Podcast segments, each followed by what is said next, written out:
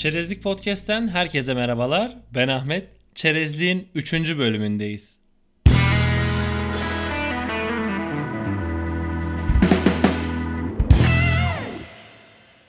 Sosyal medya hesabımdan yapmış olduğum bir anket vardı geçtiğimiz günlerde.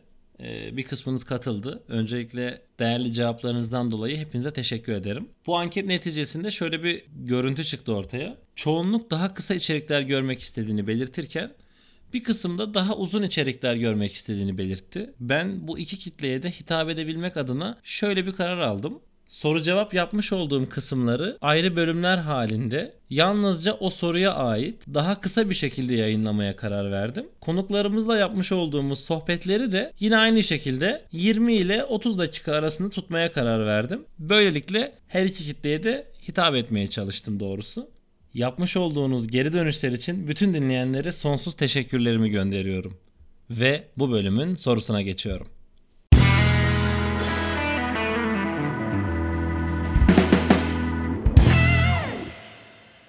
30-35 yaşından sonra alaylı bir yazılımcı olmak ya da olmaya çalışmak. Aslında bu soru son zamanlarda yakın çevremden de çokça duyduğum bir soru. İşin aslı her zaman her yerde bahsettiğim gibi bu durum kesinlikle sizin azminizle doğru orantılı. Burada önemli soru şu.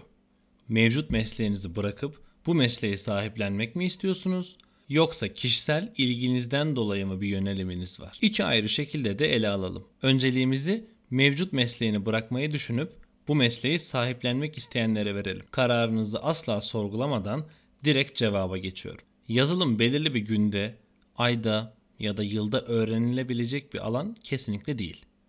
Bu sektörün en özel cilvesi karşılaştığınız hatalar ve problemler sizi geliştirip bir uzman haline getiriyor.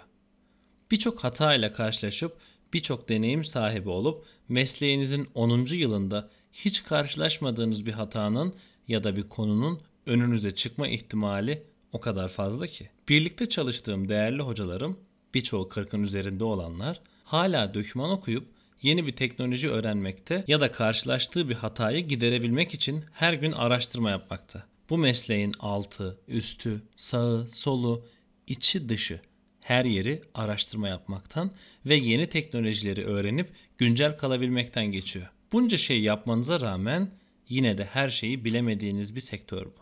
Hayatınızda köklü bir karar alırken nelerle karşılaşacağınızı iyice öngörmenizde fayda var. Gelelim ikinci kısma.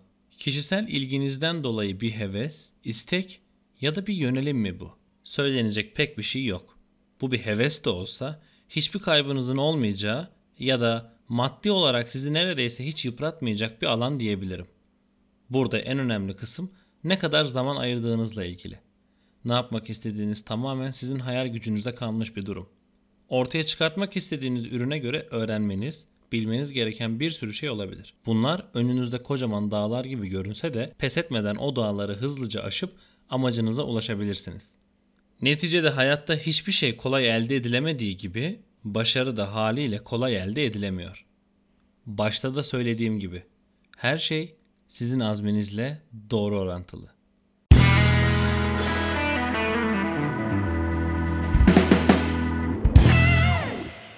Yaş sorunsalına gelince asla ama asla karşılaştırma yapmayacağım.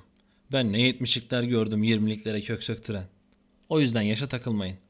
Yaş konusunda tek problem 30-35 yaşına gelmiş insanla 20'li yaşlardaki insan arasındaki genellikle tek fark birinin hayatını oturtmaya çalıştığı, yeni yeni yön verdiği bir dönem, diğerinin ise çoğunlukla belli şekilleri ve kararları verdiği bir dönemde olması. Tek fark karar verirkenki durumunuz. Bu biraz kişisel olduğu için en doğru kararı sizin vereceğiniz konusunda hiçbir kuşkum yok.